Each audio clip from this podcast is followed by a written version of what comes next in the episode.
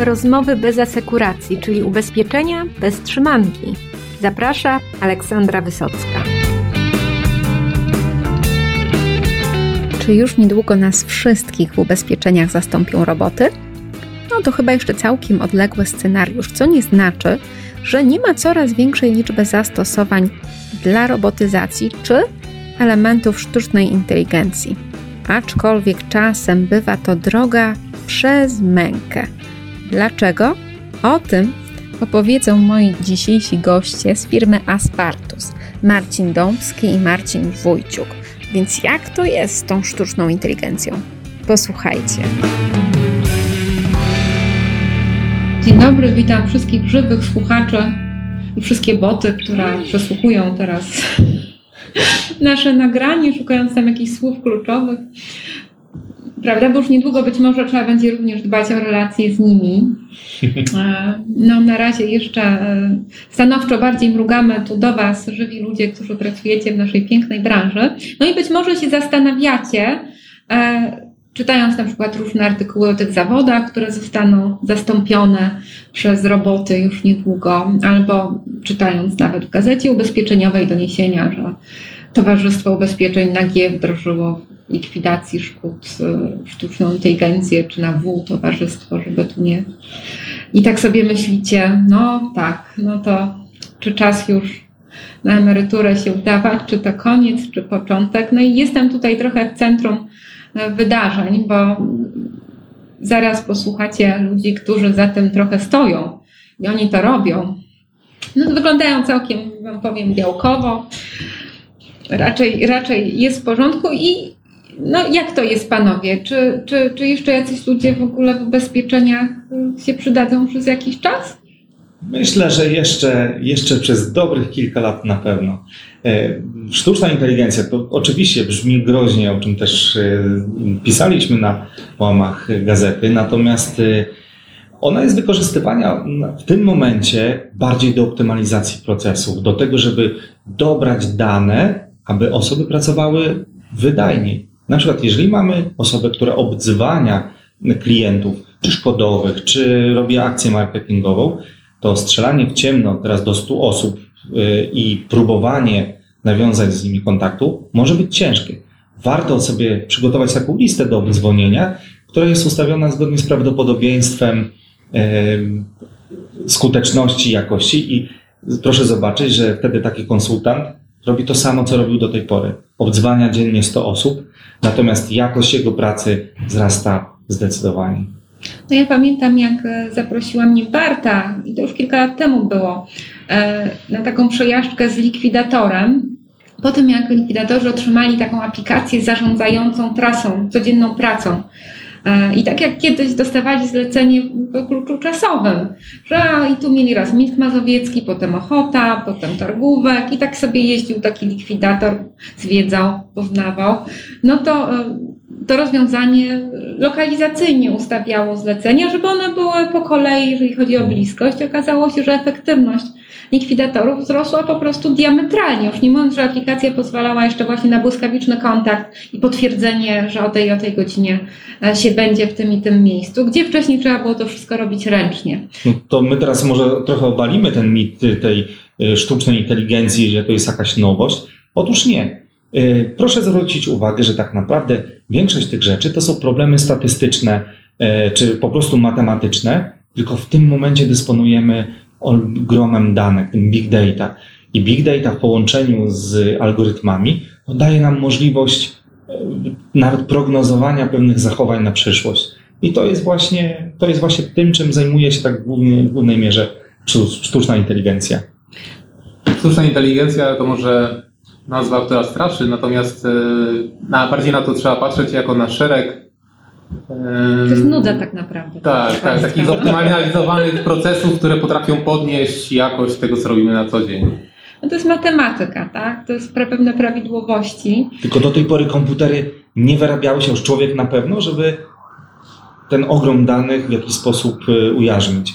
Mamy teraz takie moce obliczeniowe, no, które, które robią to, nawet patrząc na nasze telefony komórkowe, naprawdę tam siedzą potężne już procesory, potrafią wykonywać potężne obliczenia no i to się staje codziennością. No nasze telefony od niektórych z nas być może już są mądrzejsze, a ja czekam na moment, kiedy mój zegarek już będzie ode mnie mądrzejszy. Myślę, że to już jest blisko, e, ale powie mi hej, bo on już mi mówi rusz się regularnie i, i, albo wody się napij.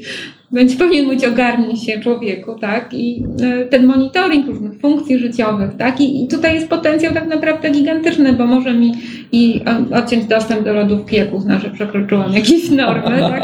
Może mi zamówić wizytę u, u lekarza, jak, albo wezwać nawet pomoc, tak?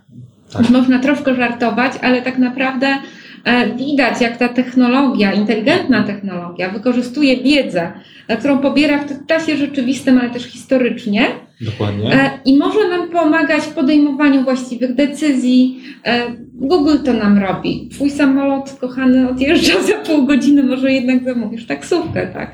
E, I, i, no, I to widać, Google czasami nie jest subtelne w przesyłaniu tych wskazówek, które są bardzo na czas i to aż niepokoi, tak? Że, że, bo widać, że ktoś tam cały czas patrzy, jak my się przemieszczamy. Tak, ale to jest analiza właśnie zachowań wielu, wielu osób i e, dobieranie później e, pewnych wzorców do, do konkretnego zachowania. Nawet kochane koleje państwowe już y, na swoich stronach szacują opóźnienia. To mnie wzrusza naprawdę, że o ten pociąg się analizuje statystyki opóźnień i zamiast je wyeliminować, nie, to niemożliwe, no to raczej mówi, no, że ten pociąg y, z prawdopodobieństwem takim się spóźni o tam 10 czy 15 minut, bo tak było w ostatnich tygodniach. Super. Więc to, to wkracza w nasze życie. No i również w ubezpieczenia bardzo wiele różnych procesów e, to może wkroczyć, już wkracza. No właśnie, tutaj wspomniała Pani o tym przypadku z zegarkiem, który mierzy funkcje życiowe. To na przykład w Stanach Zjednoczonych są już takie rozwiązania, które przesyłają na bieżąco do ubezpieczyciela dane życiowe, jak tam się człowiek zachowuje, jak ćwiczy, czy jest zdrowy, czy wchodzi po schodach. E, I aktuariusze analizują to i dają lepszą składkę, na przykład jak ktoś ćwiczy, je zdrowo i tak dalej. No i najprościej dać swój e, e, zegarek swojemu 16-letniemu synowi, który by... I będą ludzie, ponoszę twój zegarek w takie i takie dni, żebyś Tak. Ale to- składkę miał niższą. No. Wspomniałeś właśnie o rozwiązaniach w Stanach, a też y, jest bardzo dużo, nawet w Europie, startupów, które próbują zbudować wirtualnego agenta. Na czym to polega? Y, Telefon nosimy zazwyczaj cały czas przy sobie. Stał się taką nieodłączną, nieodłącznym towarzyszem naszego życia. Wyobraźmy sobie sytuację, gdzie pozwalamy jakiejś aplikacji na pełen dostęp. Pomijając Google. Natomiast taka aplikacja zbiera to, gdzie jesteśmy w ciągu dnia, gdzie jesteśmy w ciągu nocy, jak się poruszamy, e, do jakich miejsc chodzimy w porze lunchu, e, czy robimy sobie zdjęcia z dziećmi, czy też nie. I proszę zobaczyć, jakie to jest pole dla potencjalnego zakładu ubezpieczeń. Wiemy, czy mieszkamy w strefie zalewowej, czy nie, możemy dobrać sobie odpowiednie ubezpieczenie mieszkaniowe. Jeżdżąc do pracy samochodem czy rowerem, również tutaj może być dostosowana odpowiednia polisa. Skoro na zdjęciach mam dzieci, być może jakieś ubezpieczenie dla dziecka. I teraz, patrząc tak teoretycznie, tego typu zachowania dużo lepiej profilują ubezpieczenie dla tego klienta niż pięciominutowy wywiad z agentem. No chyba, że ktoś ma swojego zaufanego od wielu lat. Natomiast idąc do agenta, chcąc jakieś koryk ubezpieczenie, ten agent o nas nic nie wie, y, dowiaduje się szczątkowych informacji i wystawia nam polisę. Natomiast tego typu rozwiązania uczą się naszych zachowań, uczą się pewnych wzorców. No i tutaj to dostosowanie może być zdecydowanie lepsze. No i tutaj jest to bardzo wszystko interesujące, bo możliwości jakby monitorowania naszego życia, bo to, że mamy zdjęcia z dziećmi, to pół biedy, ale gdzie my jesteśmy o 24, czyli mamy jakichś ryzykownych e, zachowań, a spożycie różnych rzeczy i, w ogóle e, szereg rzeczy, które byśmy naprawdę nie chcieli, żeby były monitorowane, a mogą być też wysyłane w trybie rzeczywistym do instytucji. E, czy Oczywiście do ubezpieczycieli, na policję, może mandat automatycznie być ściągany, prawda, z konta nawet bez E, Technologia już jest na wszystko, tak? No ale z drugiej strony mamy RODO, mamy coraz bardziej restrykcyjne podejście do tych danych, mamy zakaz profilowania bez naszej zgody świadomej. Tak. No i to jest taka zabawa w kotka i myszkę trochę. Tak, ale y, to teraz może przejdziemy do bardziej takich rzeczywistych przykładów, z którymi my się spotykamy, nad którymi my pracujemy, bo mm, naszą pracę skupiamy na pomocy y, zakładom ubezpieczeń właśnie w codziennych takich procesach i na szukaniu oszczędności albo podnoszeniu jakości obsługi. E, chociażby w momencie likwidacji szkody jesteśmy w stanie podpowiedzieć, czy dana osoba będzie zainteresowana wynajmem pojazdu zastępczego, czy też będzie skłonna bardziej na jakąś e, Kosztorys.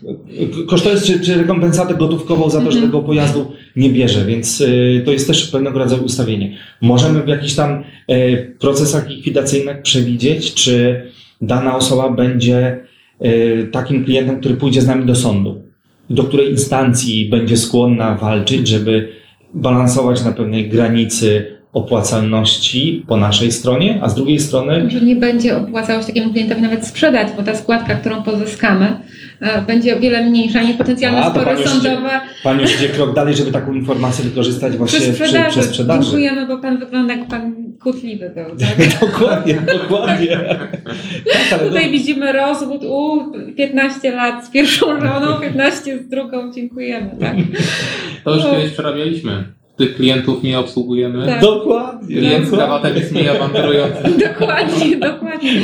Tylko teraz te, te rzeczy dzieją się gdzieś w tle. No, y, też ym, wyobrażamy sobie sytuację, gdzie za pomocą aplikacji mobilnej, co zresztą już na rynku się dzieje, jesteśmy w stanie w ciągu kilku godzin e, ocenić, czy e, ta szkoda może być likwidowana szybką ścieżką i mm, chociażby wypłata może nastąpić za chwilę w bankomacie, tak? E, To co, to, co nam się gdzieś niedawno udało, to jest y, pozyskanie zdjęć z e, miejsca zdarzenia, czy też e, pojazdu uszkodzonego i badanie uszkodzeń za, na pomo- za pomocą analizy zdjęcia, tak? Tam się bada załamania światła, jakieś tam takie rzeczy. Jeżeli zderzymy te informacje teraz z systemem, który wycenia e, uszkodzenia, to tak naprawdę mamy na tacy gotowe rozwiązanie, I to ile taka szkoda. Tak, jak najbardziej. I to, tego nie powinniśmy się bać. To są z jednej strony naukowe rzeczy, bardzo takie teoretyczne, które przekładają się na biznes. Mówię o naukowych, z tego względu, że no, my w naszej pracy współpracujemy tutaj e, z Politechniką Warszawską, która nas wspomaga e, od strony tej takiej teoretycznej, naukowej, e, w doborze algorytmów, w oszacowaniu, ile taka praca będzie nas kosztowała. Natomiast nie są w stanie bez nas tak naprawdę później przykręcać śrubek, Biznes case'ów nie mają. nie mają business case'ów, nie do końca też taki naukowiec rozumie dane, tak, co w nich siedzi. Tutaj jesteśmy od tego, żeby, żeby pomóc im nad tymi danymi się pochylić. Bo to jest trochę tak, że coraz częściej wypada y, mieć rozwiązanie bazujące na sztucznej inteligencji. I dla niektórych to jest tak, że to może być drogie, nieefektywne i w gruncie rzeczy bez sensu. Jak pani Kasia to zrobi sama, to wyjdzie taniej, szybciej. Y, Bo, bo tak jest na pewnym etapie rozwoju tej technologii, tak, Tak. wstępnym. Y, Początek jest bardzo Początek ważny. jest nieefektywny i trzeba mieć na to gotowość, tak, że na początku nie będzie działało. To tak, to my się w tym momencie chcielibyśmy podzielić naszym doświadczeniem. No nie po kilku- hamujmy tego. no. Po kilku e, takich e, badaniach 80% czasu to jest zbieranie i czyszczenie danych. Tutaj właśnie e, rozmawialiśmy z... Smok po prostu. Tak. no. Y, Co warto zrobić, żeby y, przygotować się w ogóle o, na wdrożenie nawet nie dzisiaj, nie jutro, tylko za jakiś czas y, tej sztucznej inteligencji? No, firmy non-stop się łączą, przejmują, reorganizują, migrują między systemami. Te dane są w różnych formatach. I gdy przychodzi taki projekt sztucznej inteligencji, musimy wszystko sprowadzić do jednego mianownika, sprawdzić, że tam nie ma pustych danych.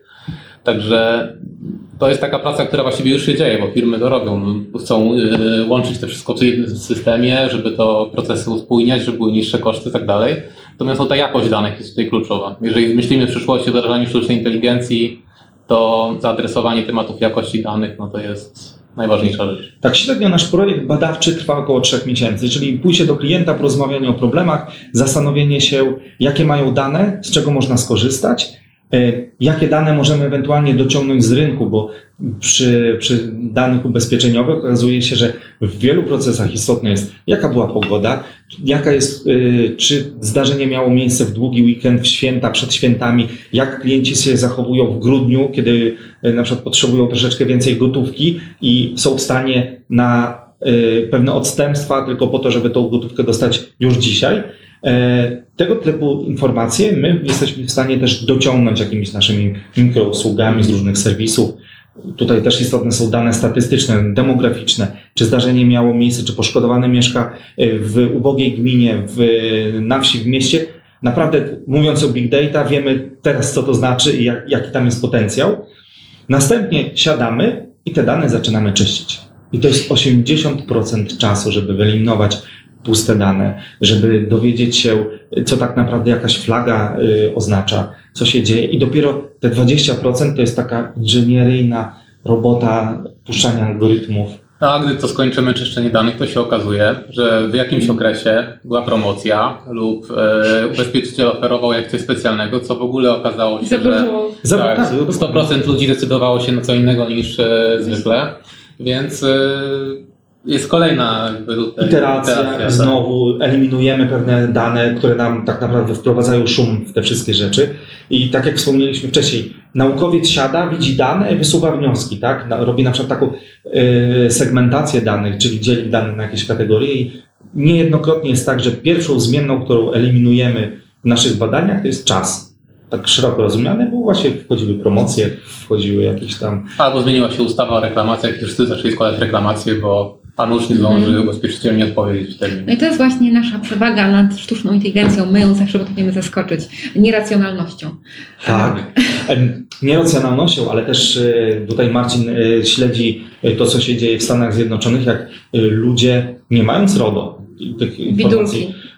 e, o profilowaniu i tak dalej, zakazie, To jeszcze lepiej w Chinach. a jeszcze lepiej w Chinach, tak. No tam gdzie każda twarz jest już w systemie, no. Tak, e, jak sztuczna inteligencja dużo wprowadza problemu, bo no to jest trochę black box, tak? Tak naprawdę jak ten algorytm w środku działa, ile on ma warunków w sobie, żeby wysnuć jakąś odpowiedź, to... Tak, coraz ważniejszym e, aspektem jest to, na ile jesteśmy w stanie zawierzyć tej sztucznej inteligencji temu black boxowi, żeby on podejmował decyzje za nas.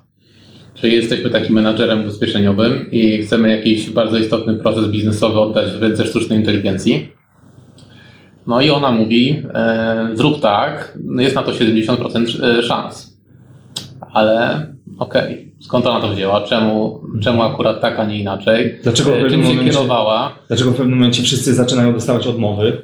Tak. No Także- jest pewne ryzyko, tak, może Tak. boleć i No bo tak. W Stanach Zjednoczonych to jeszcze nie jest taki problem, może w Chinach, ale w Europie, RODO, każdy musi się wytłumaczyć, czemu zdecydował tak, a nie inaczej. Więc, Proszę zobaczyć, że te algorytmy dążą do optymalizacji. Bardzo mi się podobał e, Twój właśnie przykład o e, optymalizacji działania państwa, e, bo każdy algorytm, no, dajemy mu jakieś zadanie do, do zoptymalizowania, tak? No i on stara się dociągnąć te wyniki, żeby, żebyśmy byli zadowoleni. To to się może odbyć na dwa sposoby. Tak, no to jest taki drastyczny przykład. Bardzo dobrze, proszę wyjąć popcorn, proszę Państwa, tak. Tak, no to taki z pogranicza filmów e, Hollywood, natomiast jeszcze bez maszyny, która wychodzi i strzela. E, wyobraźmy sobie sytuację, że mamy tutaj jakiś super e, inteligentny algorytm, któremu dajemy zadanie, żeby sprawiło, żeby nasze państwo zarabiało jak najwięcej pieniędzy. No słu- słuszna tutaj teza, chcemy oczywiście, żeby nasze państwo było bogate i żeby żyło nam się dobrze. E, no i celem jest to, żeby na głowę przypadało jak najwięcej pieniędzy. E, No i teraz e, co zrobi algorytm sztucznej inteligencji? On nie będzie tutaj miał inteligencji emocjonalnej, zastanowi się, co jest dobre, co moralne, co nie, tylko on dąży do tego, żeby równanie matematyczne miało jak najlepszy wynik. No i są dwa sposoby, żeby takie proste równanie zrobić. Albo zwiększenie ilości pieniędzy, która się podzieli na liczbę głów, albo zmniejszenie liczby głów. No tak, ewidentnie. No i tutaj, e, gdyby puścić to tak samopas, no to w takim drastycznym przypadku no, mamy sytuację z Hollywood, tak? No dokładnie i ja już dawno przypuszczałam, że optymalizacją, ale również moralną, nie tylko Mhm. taką być może gatunku ludzkiego, byłaby jego eliminacja, że w sen- w sensie koszty są znacznie większe niż zyski. E, I, I wydaje mi się, że generalnie tak, że to jakby tak wszystko zliczyć, to no niekoniecznie jesteśmy tacy, tacy zyskowni z punktu widzenia wszechświata. Także ważne jest, żeby po prostu w, tych, w tym procesie nie zapędzić Dużo się się.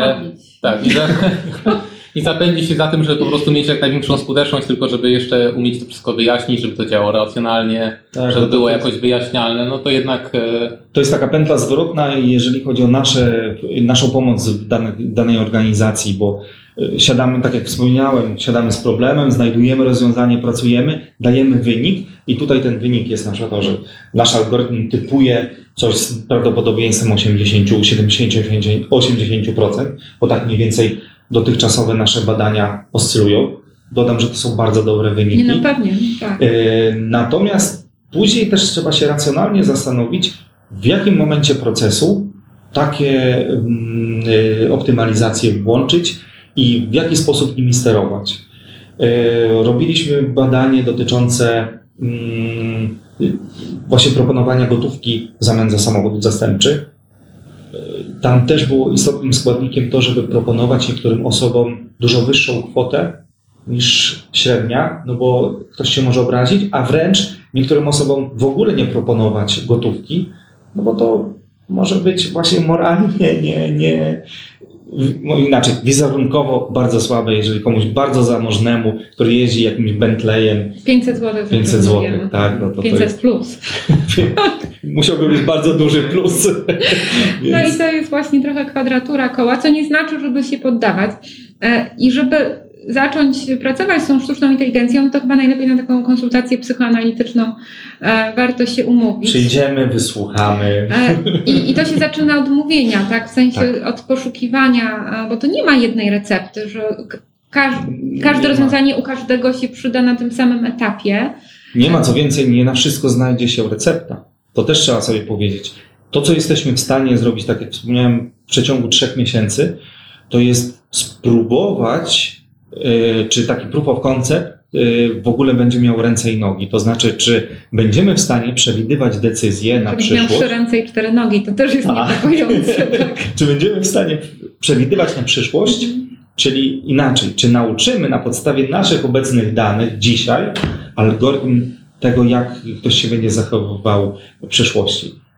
Yy, Nie mieliśmy jeszcze aż tak drastycznych przykładów, zazwyczaj coś tam uda się dokręcić, podkręcić. Natomiast no, zakładamy, że może zdarzyć się taka sytuacja, że dostaniemy dane, które nie będą uzupełnione, będą miały słabą jakość, nie będzie jeszcze tam aż tak dużo yy, zakończonych spraw i my nie będziemy w tym momencie mogli przewidzieć, jak to się e, kończy, no bo po prostu nie nauczymy algorytmów pracy. No więc, e, ale być może warto też mieć e, taką komórkę u siebie, jeżeli kogoś na to stać, e, no żeby badać możliwości nie tylko tego, co na pewno już teraz nam przyniesie oszczędności.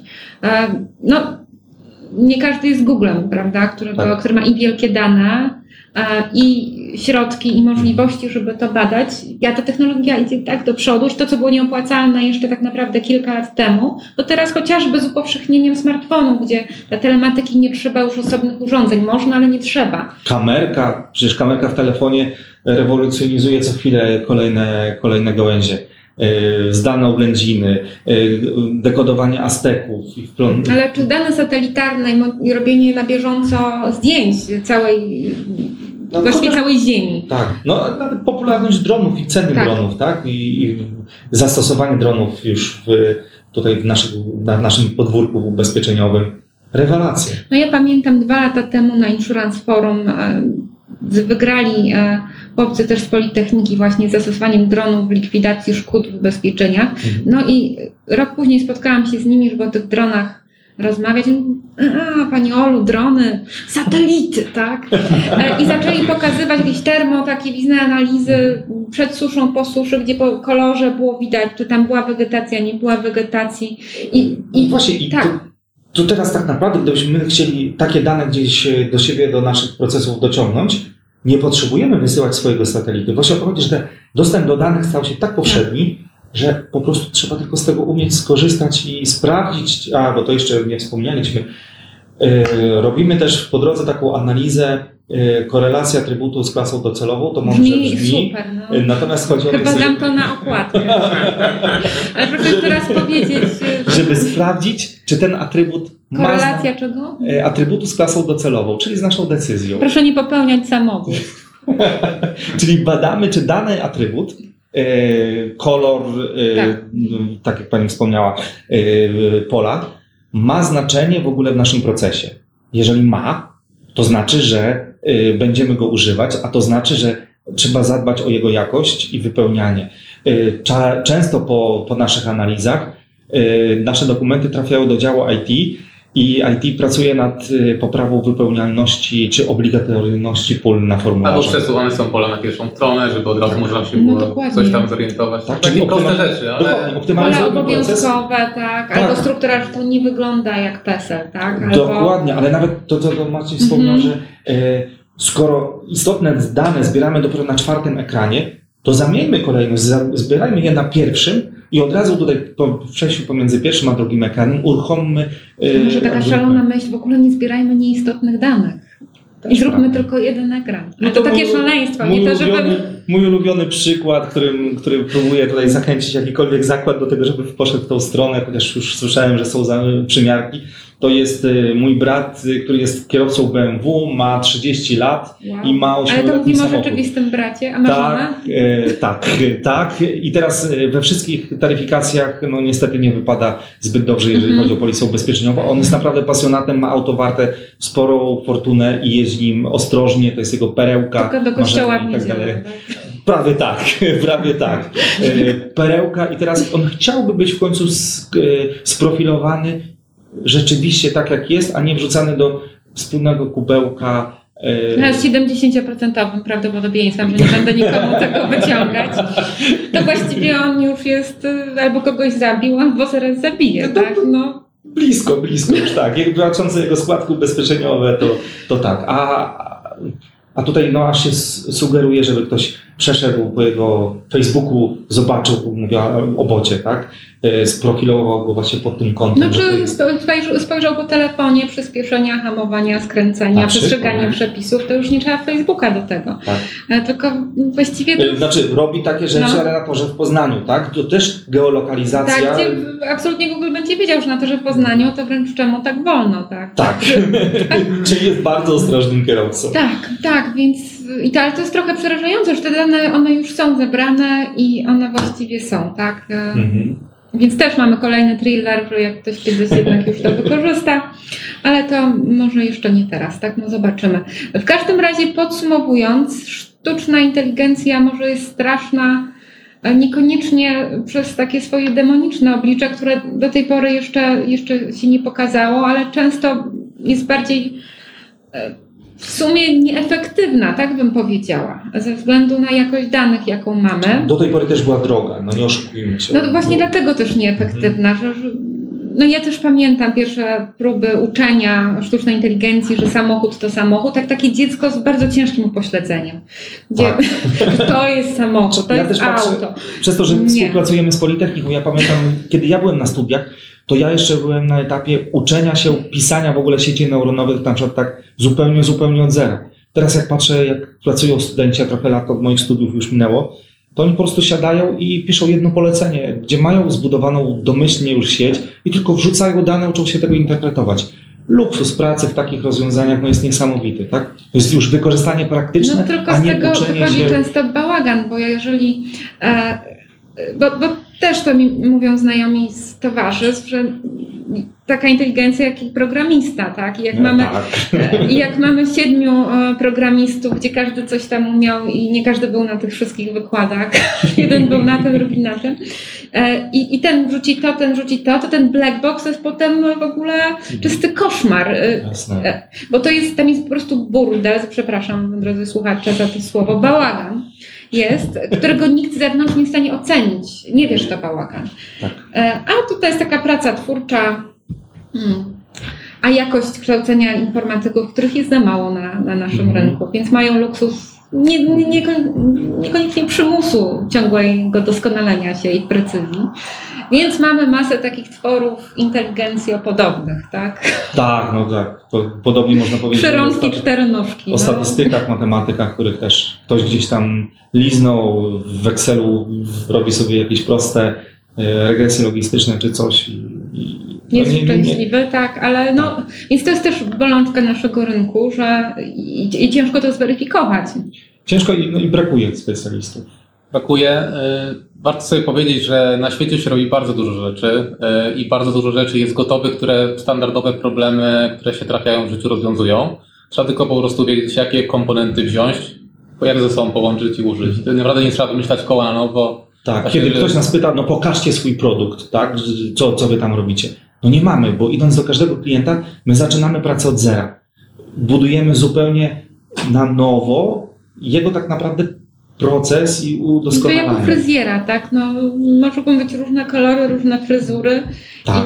i, i, i tyle. No i się trzeba spojrzeć na pacjenta i, i zobaczyć, no, czy tam To już te czasy, że trzeba było pójść do klienta i wdrożyć mu wielki system, który będziemy instalować przez rok i potem e, będzie... serwisować przez Tak, 15. będziemy serwisować 15, to już minęły. Teraz tak naprawdę... Łzy, żalu i nostalgii. Teraz dobieramy po prostu rozwiązanie szyte na miarę składające się z komponentów, które akurat klient potrzebuje. I to najczęściej Szybkie 2-3 wdro- miesiące, tak? Wdrożenie, tak, żeby szybkie było wdrożenie i zdążyć jest przed te technologii, Yy, która ma za przed 6 konkurencją. miesięcy. Tak. I szybko można pokazać wyniki. Znaczy też obserwując rozmowy, bo chodzimy sporo y, na takie wycieczki do zakładów ubezpieczeń, czasami z zaproszenia, czasami wpraszając się, y, widzimy właśnie w ostatnich miesiącach y, bardzo dużo innowacyjnych pomysłów.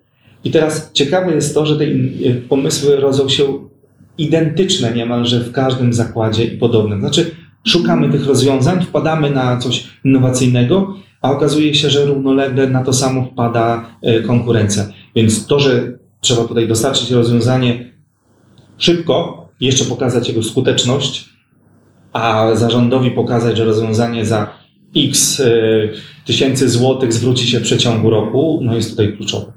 Tak. Ale faktycznie tak wygląda, że rozwiązanie kosztuje ileś tam i ono się w ciągu roku jest w stanie zwrócić. Ale jest też taka magia naszego rynku ubezpieczeń, która polega na tym, że mamy fajną technologię, nawet nie taką drogą, która nam masę zrobi oszczędności w ogóle, ale z jakichś tajemniczych przyczyn nie jesteśmy w stanie e, ze względu na różne szczeble zarządzania w towarzystwie No nie oszukujmy e, się. się przebić. Ubezpieczenia słyną z tego i to nie tylko w Może Polsce. jednak da się bez tego. Sprawdźmy trzy miesiące, może Dokładnie. jakoś przejdzie, może zarząd Tak. zapomni, że w strategii jest innowacyjność. No. Tak, ale też taka, taka skorupa. No, my ciągle jesteśmy przyzwyczajeni do tego, że jeżeli e, mamy komuś sprzedać ubezpieczenia, no to formularz, e, analiza ryzyka, e, IDD jeszcze teraz i tak dalej, wypełnianie 500 pól, żeby przedstawić składkę. A do czego jest przyzwyczajony klient obecnie? Klik, klik, klik, gotowe. No i cóż, no Ale wielu ciągle sprawdza, że może jednak jeszcze przejdzie, tak? Może nie Tak. będzie zmieniać tego formularza. Tak. No, Mm. prosty przykład.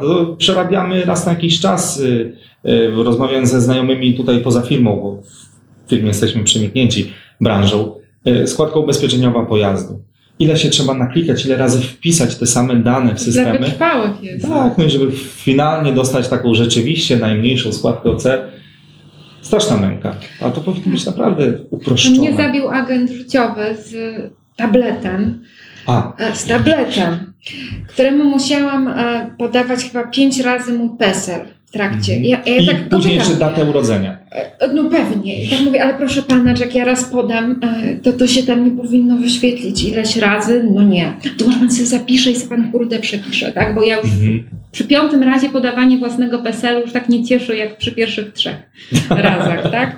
E, I to, no i widać było, mamy technologię, mamy aplikację, ale nie, nie. Jeszcze trzeba, Mhm. musi w ubezpieczeniach jednak trzeba to samo kilka razy wpisać, bo człowiek jest niespełniony zawodowo.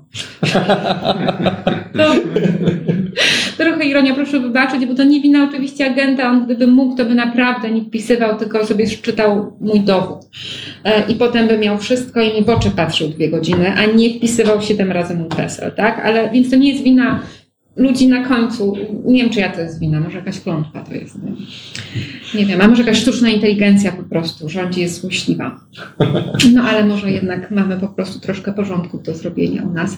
E, tak, drodzy słuchacze, ubezpieczeniowcy. Dobrze, czy mamy coś? Moja sztuczna inteligencja mówi, mój zegarek mówi rusz się, e, co znaczy, że, że trzeba kolejne kroki nabijać. E, A Państwu życzę inteligentnej części dnia. Serdecznie dziękujemy.